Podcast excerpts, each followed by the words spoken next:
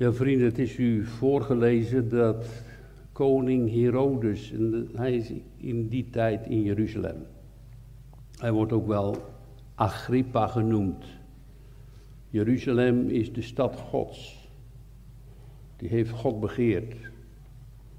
Waar altijd strijd omheen is. Waar jaren aan jaren door de gevechten gebeurd zijn. En nu, als daar koning Herodes is, staat die koning Herodes onder het gezag van Rome. Het grote Romeinse imperium van de keizer. Die heeft dan overal koningen neergezet. Eentje in Jeruzalem, de andere weer in Syrië enzovoort. En hij heeft dan de macht over dat hele gebied van Israël gekregen. Hij wordt wel Herodes Agrippa eerste genoemd. En zijn vader, zijn opa eigenlijk, was Herodes de Grote, de kindermoordenaar van Bethlehem. Waar de Heer Jezus toen moest vluchten naar Egypte met zijn vader Jozef en Maria. Nou ja, zijn vader, zijn vader was God in de hemel, maar toch, hij noemde Jozef wel zijn vader. En daar is dan die Herodes die afstamt van, inderdaad, Abraham, Isaac. En Isaac krijgt twee zonen, Ezo en Jacob. En Herodes stamt dus af van Esau die het geboorterecht verwierp.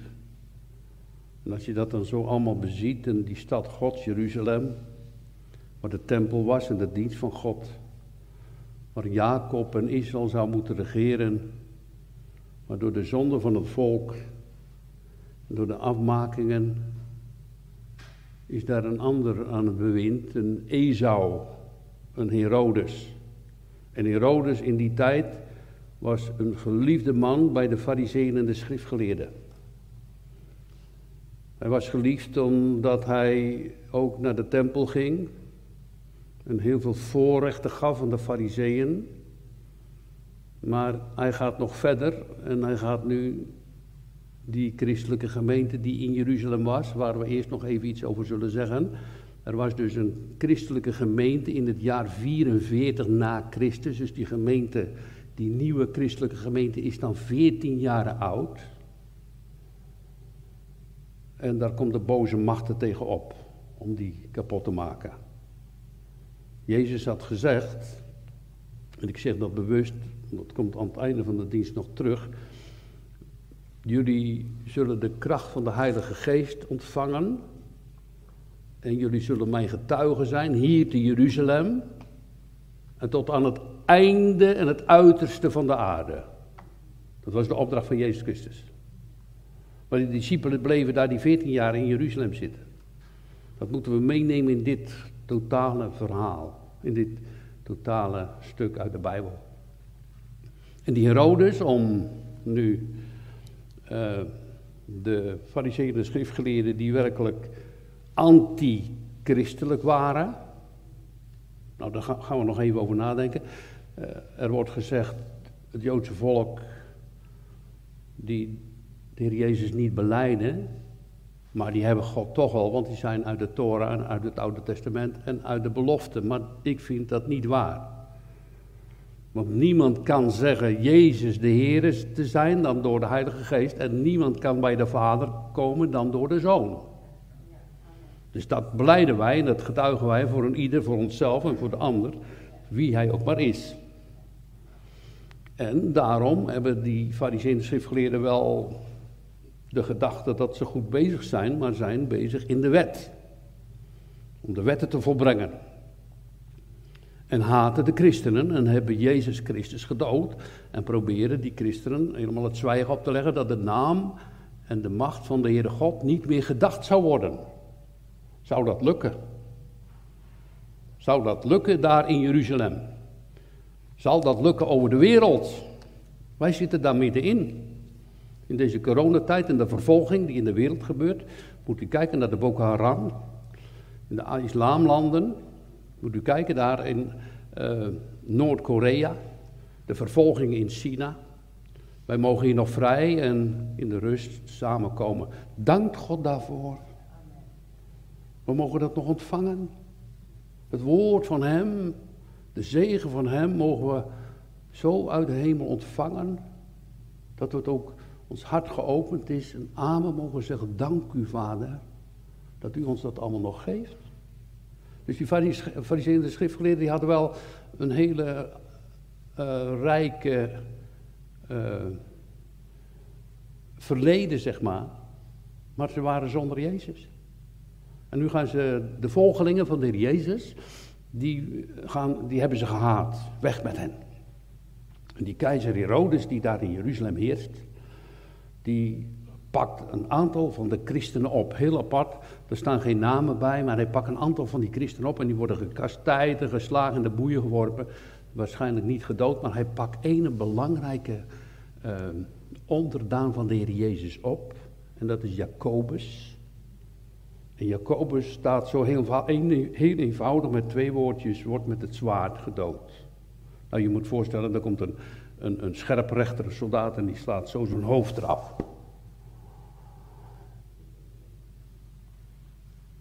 Jacobus. Je vraagt je af, laat u dat toe, heren? Dat is toch uw apostel? Dat is uw knecht. is iemand die dus het evangelie door heel de wereld moet gaan verkondigen. Hij is nu dood. Het is een broer van Johannes, die heel lang geleefd heeft. Een openbaring geschreven heeft. Jacobus en Johannes werden geroepen terwijl ze in de boot zaten van hun vader Zebedeus aan het meer van Galilea. Waar Jezus langskwam en riep hen uit die boten om Jezus te volgen. Hun moeder heette Salome. Mooie naam. En Salome die was op een bepaald moment, toen het al een paar jaar, eh, ik weet de tijd niet precies, heb ik niet onderzocht, maar wel dat ze al volgelingen waren van de Heer Jezus, die twee broers, hè, die ook wel Boanerges genoemd werden, zonen des donders. Want ze hadden vuur van de hemel willen bidden. En toen zegt die moeder, die Salome, die, zegt, die vraagt dan tegen Jezus, Heer Jezus, als u nu dadelijk in uw koninkrijk bent, mogen dan mijn twee jongens aan de ene kant, aan de rechterkant en aan de linkerkant van u zitten? Zo, dat is nogal een vraag. U weet niet wat u vraagt, zegt Jezus. Dat is nogal wat. Ik heb ooit uh, gehoord van een hele rijke man.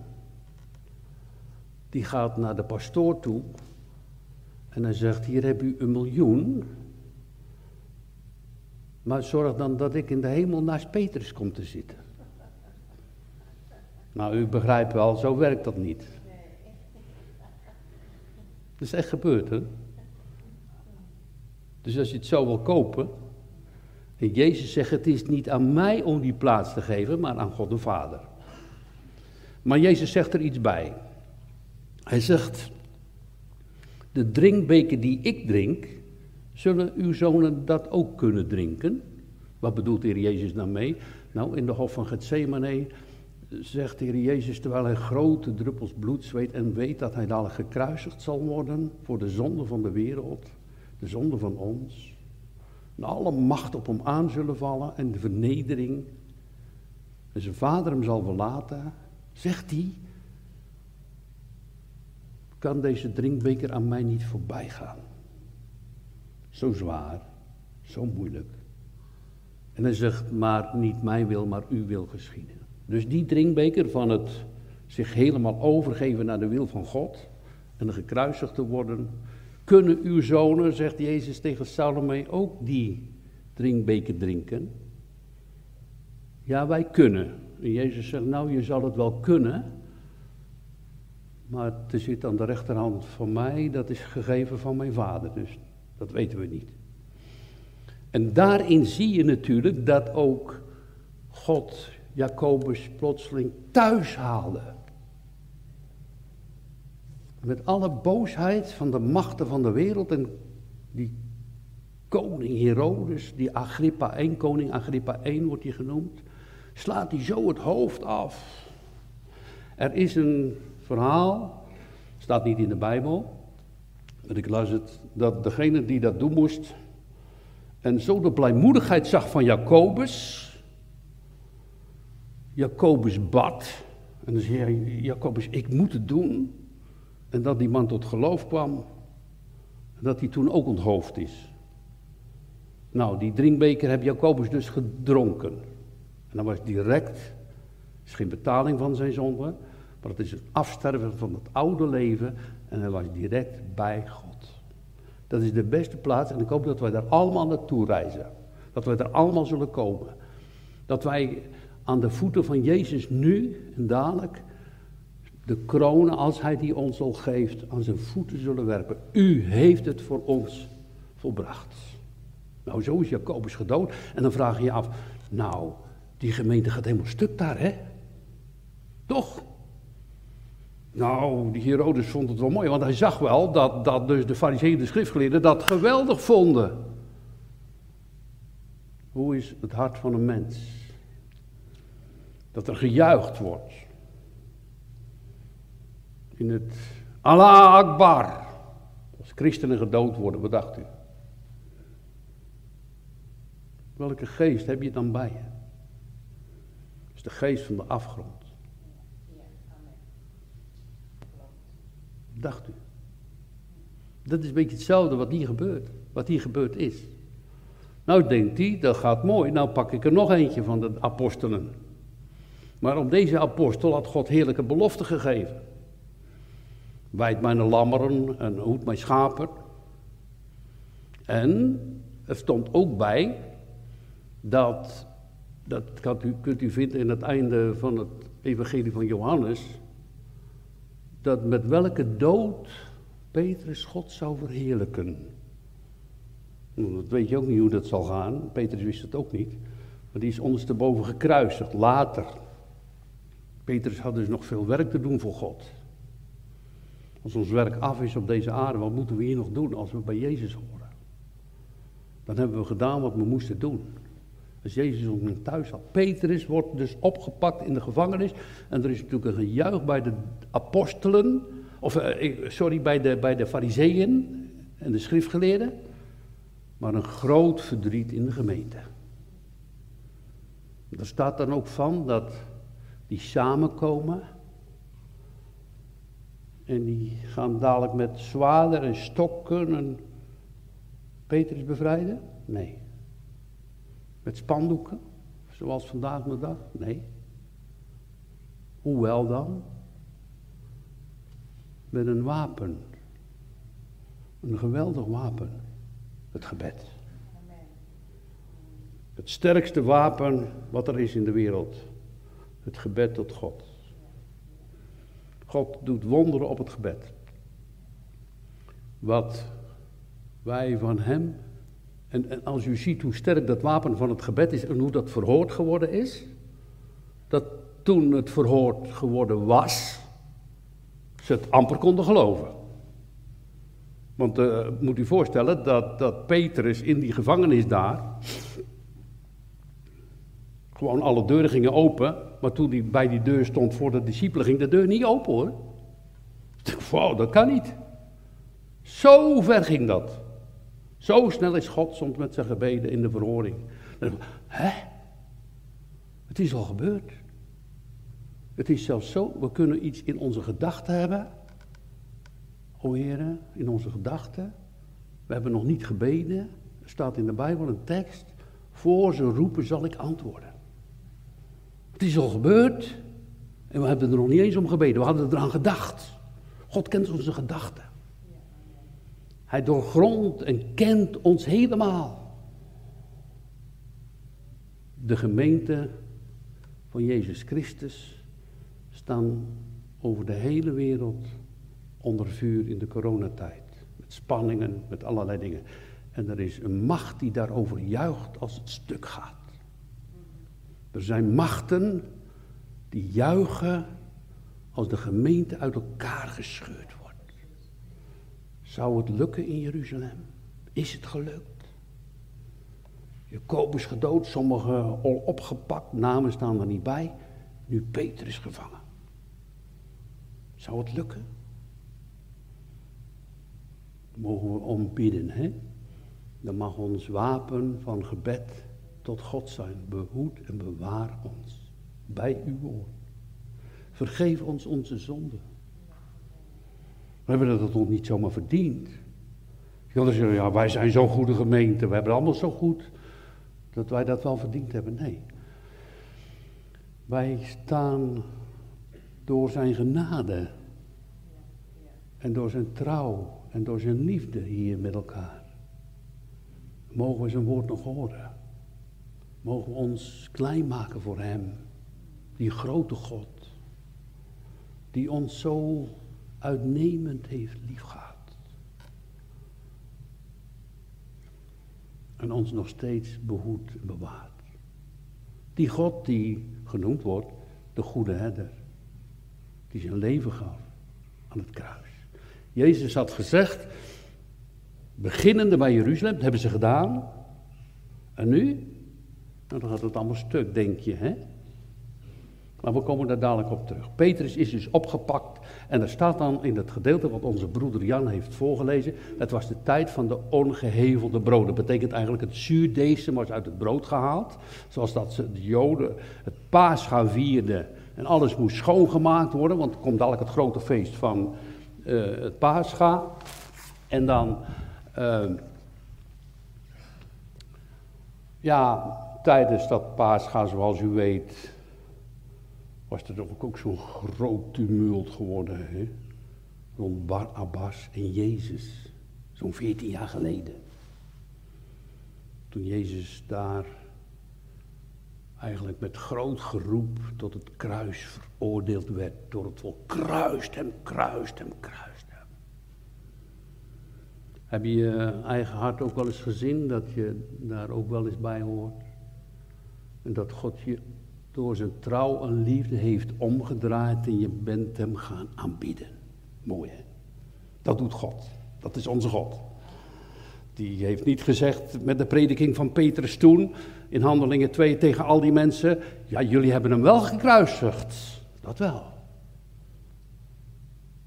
En toen sloegen ze op hun borst. En hebben ze gevraagd om vergeving. Wat moeten we doen? Bekeert u en ieder van u wordt gedoopt in de naam van Jezus Christus. En gij zult de gave van de Heilige Geest ontvangen. 3000 komen tot geloof op één dag. Wat een wonderlijke God. Zo is de gemeente ontstaan. Ze hadden de goederen met elkaar gemeen. Als er iemand tekort had, deelden ze met elkaar. Nou, wij mogen ook wel liefde zien onder elkaar, dat we elkaar proberen te helpen. Dat we elkaar mogen zien en goed willen zijn voor anderen. Soms lukt het niet altijd. Soms zijn er ook wel eens hele moeilijke dingen. We zijn ook allemaal verschillende individuen, individuen hè? allemaal verschillende mensen. En toch wil God ons bij elkaar brengen. En dat mag ook juist nog onze gemeente zijn. Kom je nou uit Cambodja of kom je nou uit uh, Indonesië? Of, maakt helemaal niet uit waar je vandaan komt. Of ben je Roma? Het maakt niet uit. Dat missen wij nu ook zo erg. Die ontmoetingen met elkaar. En die spanningen die over ons heen komen. Dat we soms s'nachts niet kunnen slapen en zo. Maar dan willen we die rust zoeken bij Hem. In die genade die God geeft. En zijn liefde en zijn trouw. Petrus wordt dus opgepakt. Het staat vier keer vier, dus vier, nou, vier wachten, alle, alle, vier van vier geloof ik. Dus vier, 24 mensen staan op wacht. Hij wordt dus met kettingen geboeid. En niet zomaar aan twee handen dan, nee, aan twee soldaten vastgeklonken. Hè? Nou, en, on, onbegrijpelijk dat, dat Petrus daar gewoon slaapt. Er staat iets heel moois in Psalm 3, hè? Ik lag en sliep gerust, door zeer trouw bewust, toen ik verkwikt ontwaakte. Want God was aan mijn zij en ondersteunde mij in het leed wat mij genaakte. Herodes wil heel die gemeente kapot maken. De duivel is bezig om over heel de wereld de gemeentes kapot te maken. Gaat ons ook niet voorbij. Wat is de bedoeling? Wat is het plan van God hierin? Petrus zit vast. De gemeente roept God aan als een geweldig sterk wapen in de gebeden. Ze houden aan voortdurend, dag en nacht zijn ze in gebed. O God, Petrus, de voorganger, het gaat niet goed. Een geweldig sterk wapen wat God laat gebruiken door ons. Het gebed is ook door God gegeven. Het gebed wordt ook soms door Gods geest geleid. Het gebed dat, als je soms niet bidden kan, door de verslagenheid van je hart of je hebt geen woorden, staat er dat de Heilige Geest met onuitsprekelijke zuchtingen voor ons biedt. Er zijn dus heel veel krachten tegen. Maar als onze ogen open gaan, zijn er meer krachten voor ons. Dat was bekend geworden bij de knecht van Elisa. Wat moeten we doen? Er komen al die Syriërs, die komen ons. Oh, heel dat leger komt eraan. En toen vraagde Elisa aan God: Wil u de ogen van mijn knecht openen? En toen zag hij daar al die heerlegers van engelen in de lucht. Die voor ons zijn, zijn meer als die tegen ons zijn. Als wij op Gods goede tierenheid hopen en op zijn trouw en op zijn liefde en op zijn genade en op zijn hulp. En we verwachten troost van hem in deze moeilijke tijd. Hij geeft zijn geest. De Heilige Geest is een scheppende geest creatie in ons hart.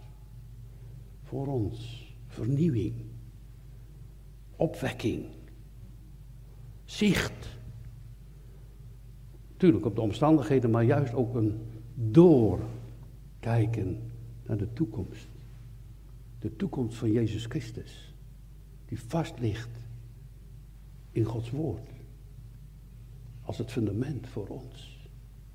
God leeft. Vind je het ook wel eens moeilijk om te denken, als je dan zo naar boven kijkt, naar de lucht kijkt. Ja, wij geloven dat u er bent, dat beleiden we ook. En soms kan het je aanvallen in je hart. Ben u daar nou echt? Hoe weet je nu dat God daar echt is? Nou, een van de dingen waar we aan kunnen weten dat God er echt is, als we soms denken dat Hij er niet is, of dat Hij wel echt bestaat, zijn soms aanvallen van de duivel. Te weten dat Hij er echt is, dat kan je merken aan de gebeden die je tot Hem uitgezonden heeft. Nu weet ik, zegt Paul, Petrus, dat God zijn engel gezonden heeft. Dan. Het kan ook zo zijn dat door het geloof, door de kracht van de Heilige Geest in je hart, je gaat amen zeggen. In de rust komt. In de overgave. Om te weten hoe zwaar en moeilijk de strijd ook al zal zijn. De strijd is al overwonnen. Jezus is opgestaan uit de doden. Uh, laat u dan dit allemaal toe? Hier zo, zo. Een apostel, hè? Als, als, als u daar even over na wil denken, hè, dat de schrift zegt, er zijn apostelen, herders en leraars, evangelisten en, en, en andere dienaren en hulpen in de kerk, dat u die zomaar om laat komen. Ja, zelfs Jezus kwam om, toch? Waar Jezus zegt, Jeruzalem, Jeruzalem, gij die de profeten dood en stenigt. Hoe menigmaal heb ik u bijeen willen roepen. Dus, dus ook al met die dingen en met die zonden en met die verschrikkelijke dingen is er een God die vergeeft. Zijn bloed is reinigend van alle zonden. Er is kracht in het bloed van Jezus.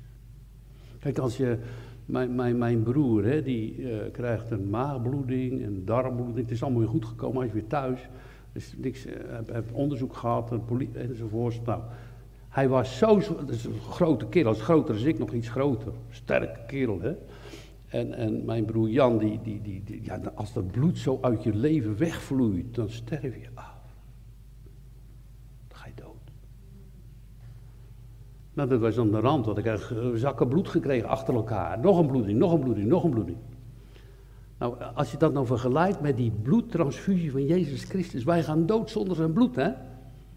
Je hebt dat bloed nodig. Dat is de kracht van ons geestelijke leven. Daarom zegt Jezus, die mijn vlees eet en mijn bloed drinkt. Tenzij gij mijn vlees eet en mijn bloed drinkt, anders heb je geen leven in jezelf. Dit is het geestelijke leven. En dat geestelijke leven, dat komt door de kracht van de Heilige Geest en door zijn woorden, door de prediking, door het geloof. Op hem te zien en daarmee te ontvangen het eeuwige leven.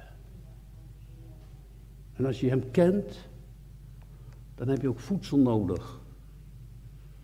En als je hem kent, gaat hij je leren bidden. De discipelen hebben gevraagd, hoe moeten we bidden? Hij leert ons te bidden.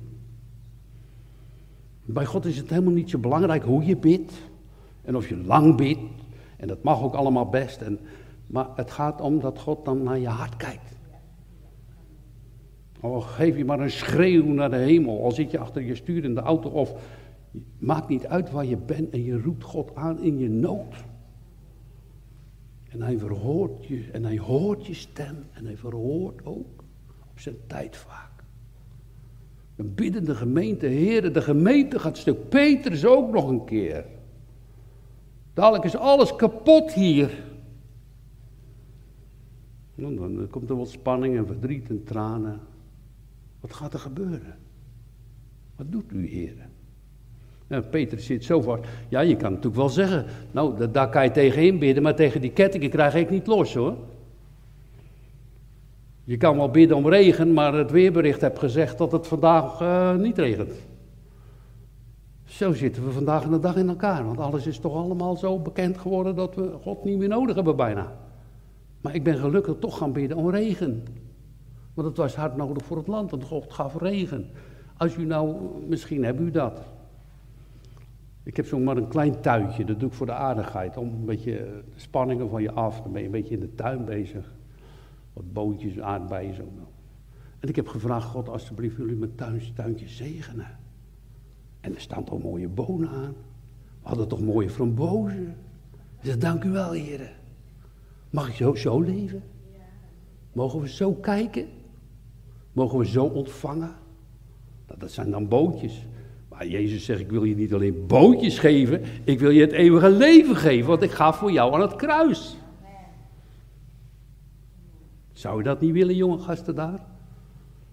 Zou je, zou je dat niet willen? Steek dan je hand eens op. Kijk eens. Nou, dat is mooi, hè? Als je hem kent.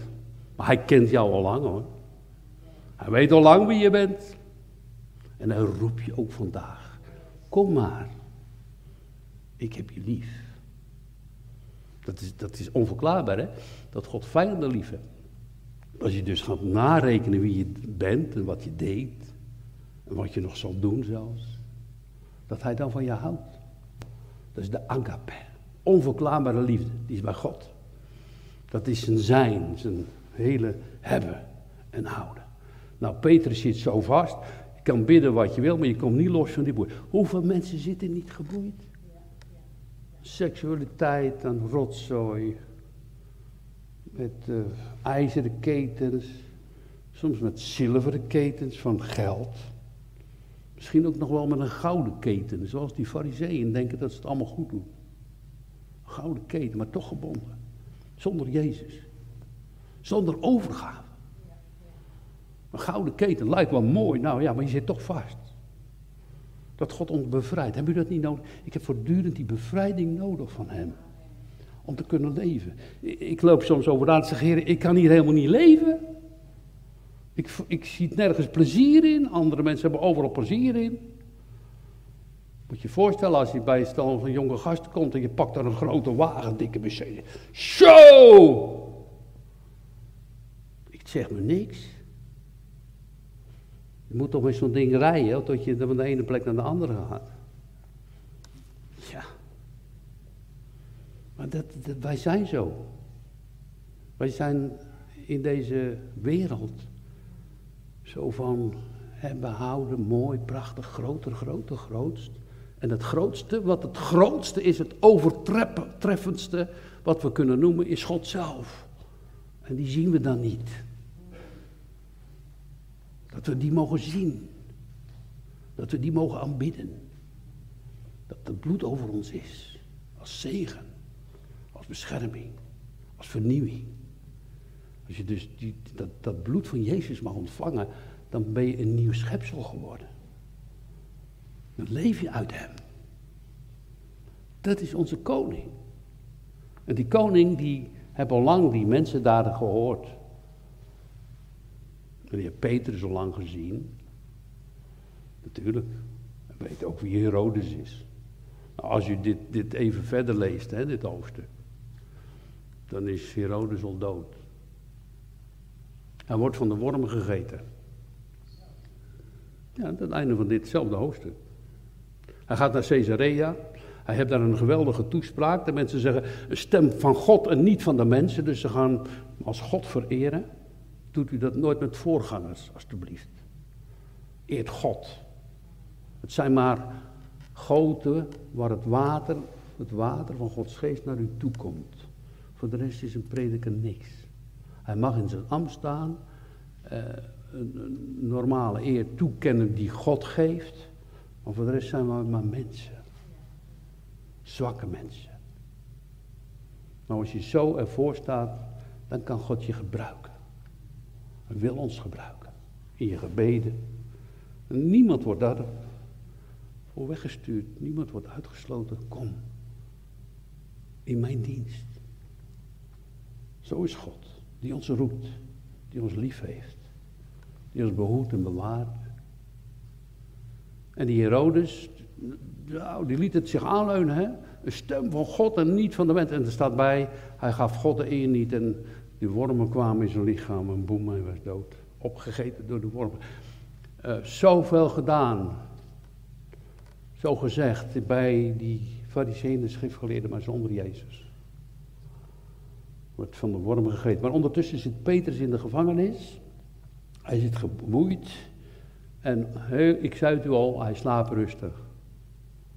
En dan, terwijl Petrus slaapt, is daar een engel in de gevangenis.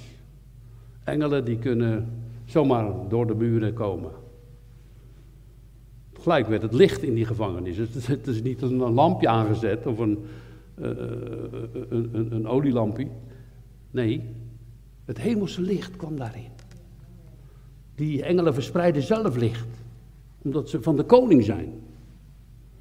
Zo'n engel verspreidt zelf licht. En, en, die komt in, in die gevangenis, er is helemaal licht in die gevangenis.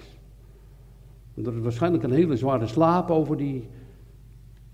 Het, het, het is meer gebeurd, hè? Dat, dat dus Peter, uh, Paulus hoorde de stem van God en duidelijk spreken, en de andere zag alleen de bliksem en het vuur. Degene die niet bij God horen, die zien niet alles wat een kind van God mag zien.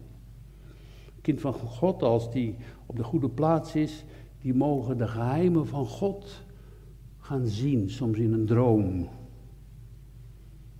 Hoe het was, wat je nodig hebt. Bijvoorbeeld jij met je vader, die droom, weet je nog.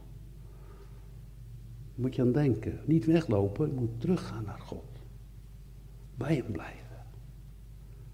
En dan openbaart hij ons dingen waar we zoveel troost aan kunnen hebben. Zoals Doentje die dat de dochter droomde van de tranen in de fles.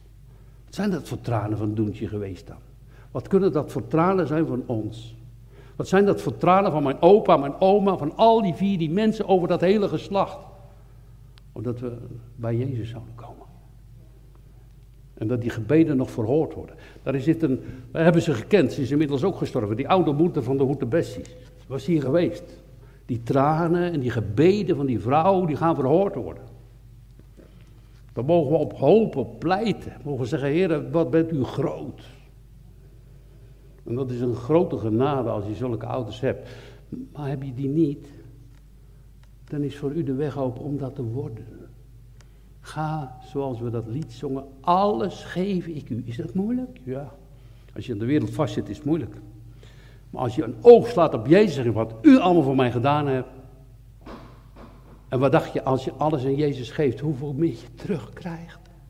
Nou, dat doe ik niet voor, maar dat is ook nog zo. Hij zegt ergens, als u de tiende geeft, dan doet de, de, de, de, de hemel open voor u. En dan komen de goederen naar je toe. Wat je nodig hebt. En ik zal je vervullen. Met alles wat je nodig hebt. We hebben niks in onszelf. Alles is al van Hem. Maar Hij wil dat ons hart naar Hem toe richt en geneigd wordt. God heeft ook een verlangen. Het is niet allemaal ons verlangen, maar het is ook Gods verlangen dat we van Hem houden. Dat is een hele les. Iedere keer heb je dat nodig. En dan die gemeente die gaat elk stuk. Helemaal uit elkaar. Petrus, Jacobus, anderen al opgepakt. Wat zal er nog meer gebeuren? Nou, Petrus, er komt een engel. En die engel die stoot aan de zij. Die, die engel die trapt niet op Petrus. Dat zouden, zouden de mensen doen. Nee, die port hem aan. In zij waar zijn hart zit. Opstaan. Opstaan, Petrus. Terwijl hij opstaat, dan moet hij natuurlijk wel zelf doen. Een keer opstaan. Een keer luisteren. Een keer gehoorzaam. Vallen die boeien zomaar af. Zoals bij die stokbewaarder met, die, met Paulus. Hè? Dat al die gevangenen één keer los waren. Al die boeien vallen zomaar los. Als je geboeid bent aan allerlei dingen. Seksualiteit, ik zei al, zilveren, ijzeren of gouden ketens. Als wij het oog opslaan naar hem dan zingt u met Psalm 146, die de gevangenen bevrijdt van al hun boeien. Zeg maar niet dat je niet geboeid bent hoor, heel snel zit je ergens aan vast. Heel snel. Moet je maar weer teruggaan naar God, die grote bevrijder. Dan moet je op jezelf letten, niet te veel op een ander. En heb als je veel zelfkennis krijgt van de Heilige Geest, dan krijg je ook een hart dat zich erbarmt over de ander. Ja, het is wel niet mooi, maar ik snap het wel.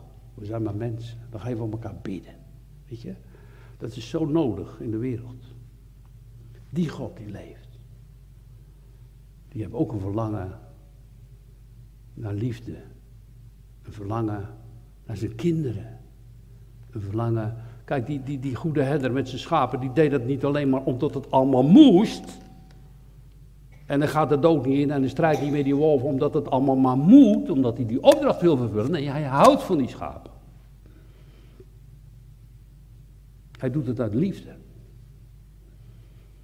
Daarom staat er ook in 1 Corinthië 13 dat al had je alles gedaan zonder de liefde. Dat was een klinkend metaal en een luidende schel. En dan moeten we vragen, Heer, geef ons die liefde voor elkaar. Wil u uw gemeente hier in Uden bouwen met uw liefde? Met of zonder Jacobus? Je kan zo weg zijn.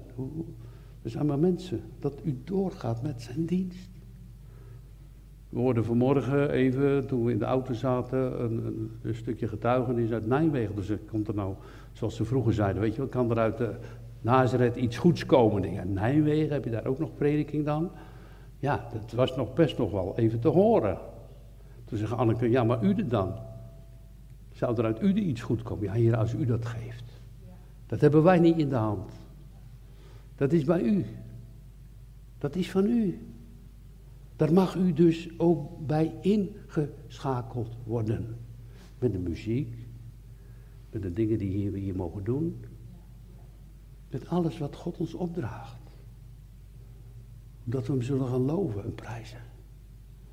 En dan zeggen we, als je dat nou gaat ervaren, dan zeg je weg wereld, weg kunt niet bevatten hoe rijk of ik ben. Ik heb alles verloren. Tenminste, nou ja, je hoeft niet alles te verliezen, maar als het ware, hè, dat zeg je niet zoveel meer.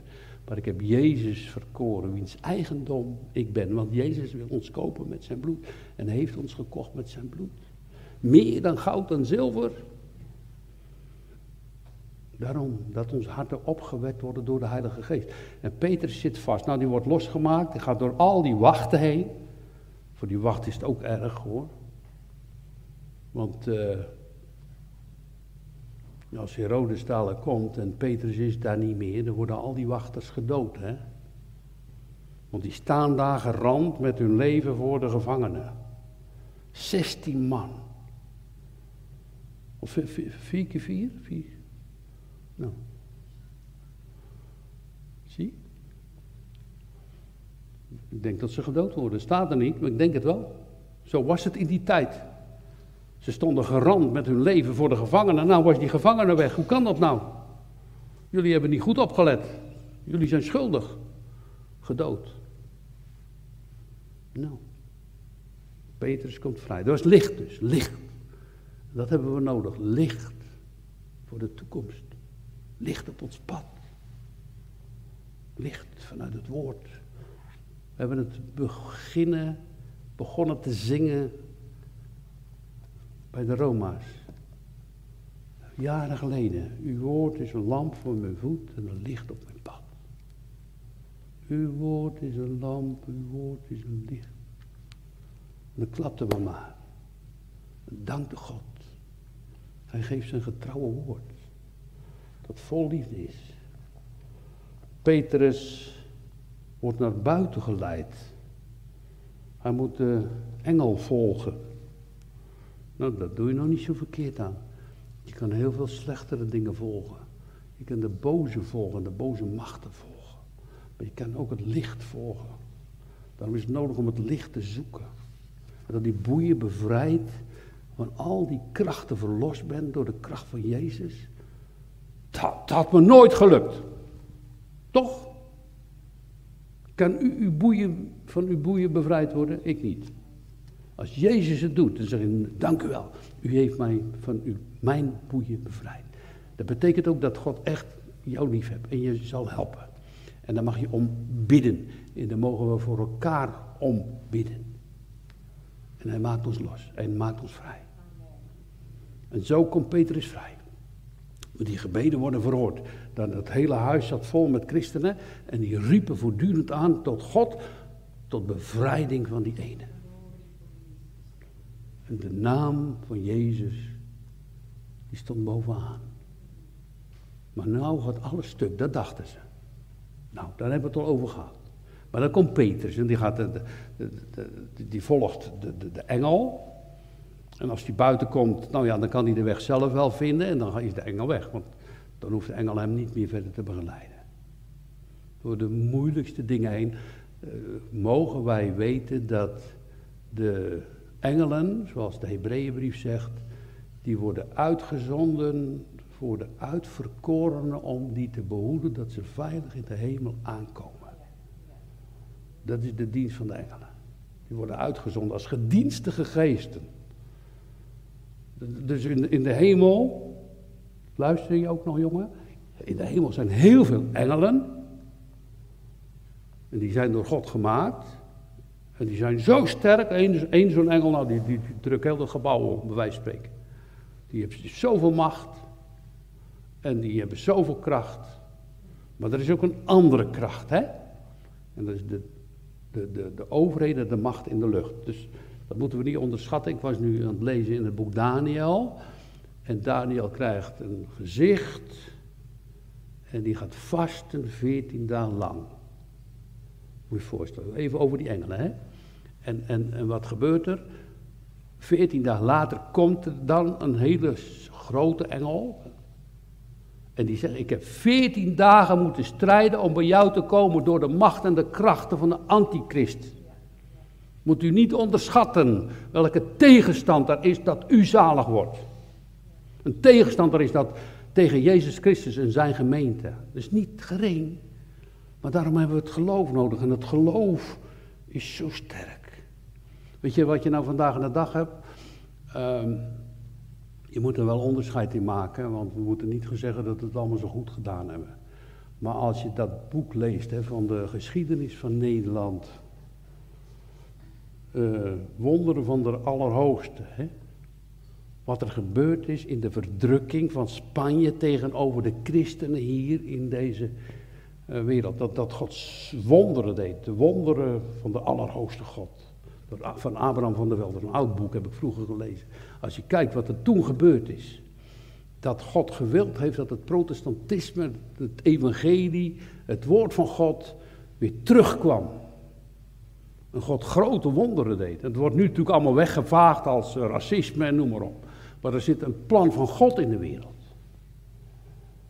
Want ik ga niet alles goedkeuren, ik niet. Er is heel veel hebzuchtig gedoe bij geweest. Foute dingen.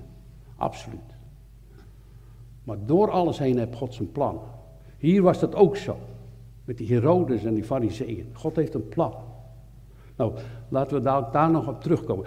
Petrus gaat dus naar dat huis en dan gaat, hij weet, oh, daar zullen ze wel zijn. Hij denkt, hé, hey, daar ga ik naartoe, dat huis van Maria. En hij klopt dan aan de deur. En een meisje denkt, oh, schrik, oh, dan komen ze ons ook oppakken. Die schrikt natuurlijk, wow, wat is dit? Nou zijn wij aan de beurt. Nee, er staat Petrus voor de deur. Huh? Ze rent naar binnen, de deur blijft nog dicht. Petrus is er. Ja, dag. Ze geloofden het geen eens. Ja, die heeft zijn geest gezien. Zijn engel. Ze geloofden nog in geest ook niet. Ja. Een spook, ja. Spook. Nou, dat. Ja. Nee, maar Petrus blijft maar kloppen. Notabene, hij zit daar in de gevangenis waar God komt, gaan alle deuren zomaar open. Die hele grote zware ijzeren poorten gaan open, de boeien vallen af. Hij komt bij de gemeente, zit de deur dicht. Ook raar eigenlijk, hè. Zit de deur dicht. wat is dat? Overal uh, kon hij doorlopen. En nu komt hij terug bij de, bij de familie, bij, de, bij het gezin, bij, bij de gemeente, bij de christen. Zit de deur op slot. Wat is dat? kunnen het niet geloven. Nou, dat is eigenlijk beschamend, hè? Voor ons ook vaak. Zo klein gelovig. Of bent u een groot gelovige? Soms zo klein gelovig toch? Maar kijk, als je nou een geloof hebt, al is het nog heel klein. Dan heb je hetzelfde geloof als Abraham hoor. Hetzelfde geloof. Dat houdt zich vast in Jezus. En uh, God wil wel dat ons geloof maar groeien toch? Daarom hebben we voedsel nodig. Daarom hebben we zicht nodig. Daarom hebben we de toekomst van Jezus Christus ontvangen. Om te groeien in zijn naam. Om aan te komen waar die anderen al zijn, die ons voorgingen. Jacobus, al die apostelen. Mag ik het ook zeggen? Mijn vader, mijn moeder, mijn opa, alles, mijn opa's. Bij God. Waren dat dan allemaal zulke goede mensen? Kom nou toch. Dat waren, ik wil ze wel erg eren. Ik wil nooit iets kwaads over mijn vader zeggen. Maar het waren geen goede mensen, het waren zondaren. En God heeft ze vernieuwd. God heeft ze geheiligd. God heeft ze thuisgebracht. Dat is toch een wonder van genade. Daarom is onze christelijke gemeente ook hier bestaat uit genade. En de genade is niet alleen maar, oh dat is een woord. Maar dat is ook iets ontvangen waardoor je dus eigenlijk de echo teruggeeft aan God van dankbaarheid. Dank u, dank u. Dat heb ik niet verdiend. Toen God mij aanraakte en zegt, hè, ik ben de slechte van al die tien kinderen van mijn vader en moeder. Ik ben de slechte hoor. Je snapt het niet. Gods wegen zijn ondergrondelijk. Goede mensen die, die hebben de medicijnmeester toch niet nodig. Nou, maar ja, Petrus blijft maar kloppen en komt binnen en dan zullen we kijken wat hij zegt. Hè? En, en toen ze de stem van Petrus kenden, dat ze de poort open, zei u al. Nou, ze zeiden, Petrus blijft kloppen. En toen ze open gedaan hadden, zagen ze hem waren buiten zichzelf. En hij gebaarde met zijn hand dat ze moesten zwijgen. En hij vertelde hun hoe de Heer hem uit de gevangenis geleid had. En zij vertel dit aan Jacobus en de broeders. Er was dus nog een andere Jacobus. Hè? Dus deze was gedood en hij ging naar buiten en reisde. Dus dat is waarschijnlijk de Jacobus, de broer van Jezus, hè? de halfbroer. En hij ging naar buiten en reisde naar een ander pas. Dus wat gaat er nu gebeuren? De gemeente uit elkaar. Ja, nadat we dachten wel. Maar Jezus had toch gezegd tegen de discipelen, en dat kunt u lezen in Handelingen 2, vers 8. Jullie zullen mijn getuigen zijn, de kracht van de Heilige Geest ontvangen, hier in Jeruzalem en over heel de wereld. Als het aan die discipelen hadden gelegen, dan hadden ze veertien jaar en al die jaren in Jeruzalem gebleven. Maar ze moesten eruit. Dus Gods plan was nog veel dieper dan al die Herodes, waar de gemeente dus uit elkaar gegooid werd. Gaat Filippus naar Samaria en, en, en Paulus, die, het volgende hoofdstuk, dan Leest u maar, Handelingen 13, dan wordt Paulus uitgezonden naar uh, Azië. En dadelijk naar Europa. En wij hebben het mogen ontvangen. Ze hadden gewoon blijven zitten.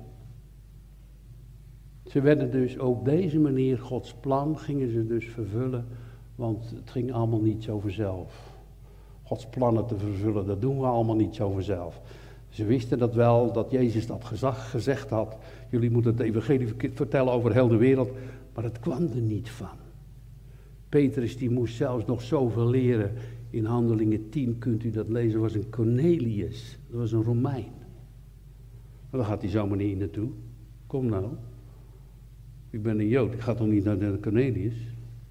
Hij zat nog helemaal vast in dat oude stramien van het, Jood, van het Judaïsme. En dan moet God een heel uh, visioen laten zien van beesten. Eet, Peter. Ja, maar ik heb nog nooit iets, zo'n varkensvlees gegeten. Eet. Maar bedoel, ga nou naar die heiden toe. En daar ziet hij plotseling dat de Heilige Geest op Cornelius valt en hij zegt, wauw. Ook is het heidendom het evangelie gegeven door Gods kracht en Gods Heilige Geest. Dan zien wij, Herodes, maak je het kapot. Nee, jij zorgt juist dat dus heel de wereld het evangelie gaat krijgen. Zo is Gods plan. Is de uitkomst van dit stuk. Het lukt ze nooit. De gemeente verwoest wordt. Het lukt ze nooit. Het ligt al vast. Het is bij God een, een, fundament. Een amen. Laten we daar in dat vertrouwen, dat geloof standvastig staan. Hem daarin dienen, hem daarin volgen. Als het aan de wereld lag, ik heb het vaker gezegd, dan zouden ze het grootste wapen uit gaan vinden en de Heer Jezus uit de hemel schieten. Nu nog. Hij wordt vervloekt aan alle kanten. Maar hij is de Curios. En ons wordt geroepen, ook die kleine jongen daar. Kus de zoon als hij voorbij komt op de weg. Want als zijn toren maar iets zou ontbranden, dan worden we totaal verteerd. Het is niet nodig. Ga naar hem toe, want hij houdt van je. Hij is je zaligmaker, de Christus, van wie wij van harte willen gaan leren. Ik zeg het maar even zo voor mezelf. Ik wil ervan gaan leren houden. In zijn dienst. Halleluja. Amen.